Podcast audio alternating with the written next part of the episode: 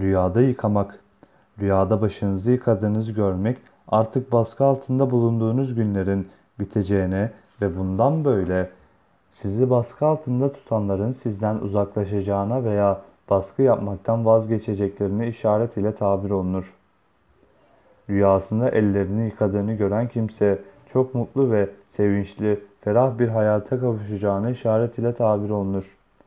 Rüyasında bütün vücudunu yıkadığını gören kimse çok mutlu bir olayla karşılaşacağına ve herkesin kendisini beğenip iltifatlar yağdıracağına işaret ile tabir olunur.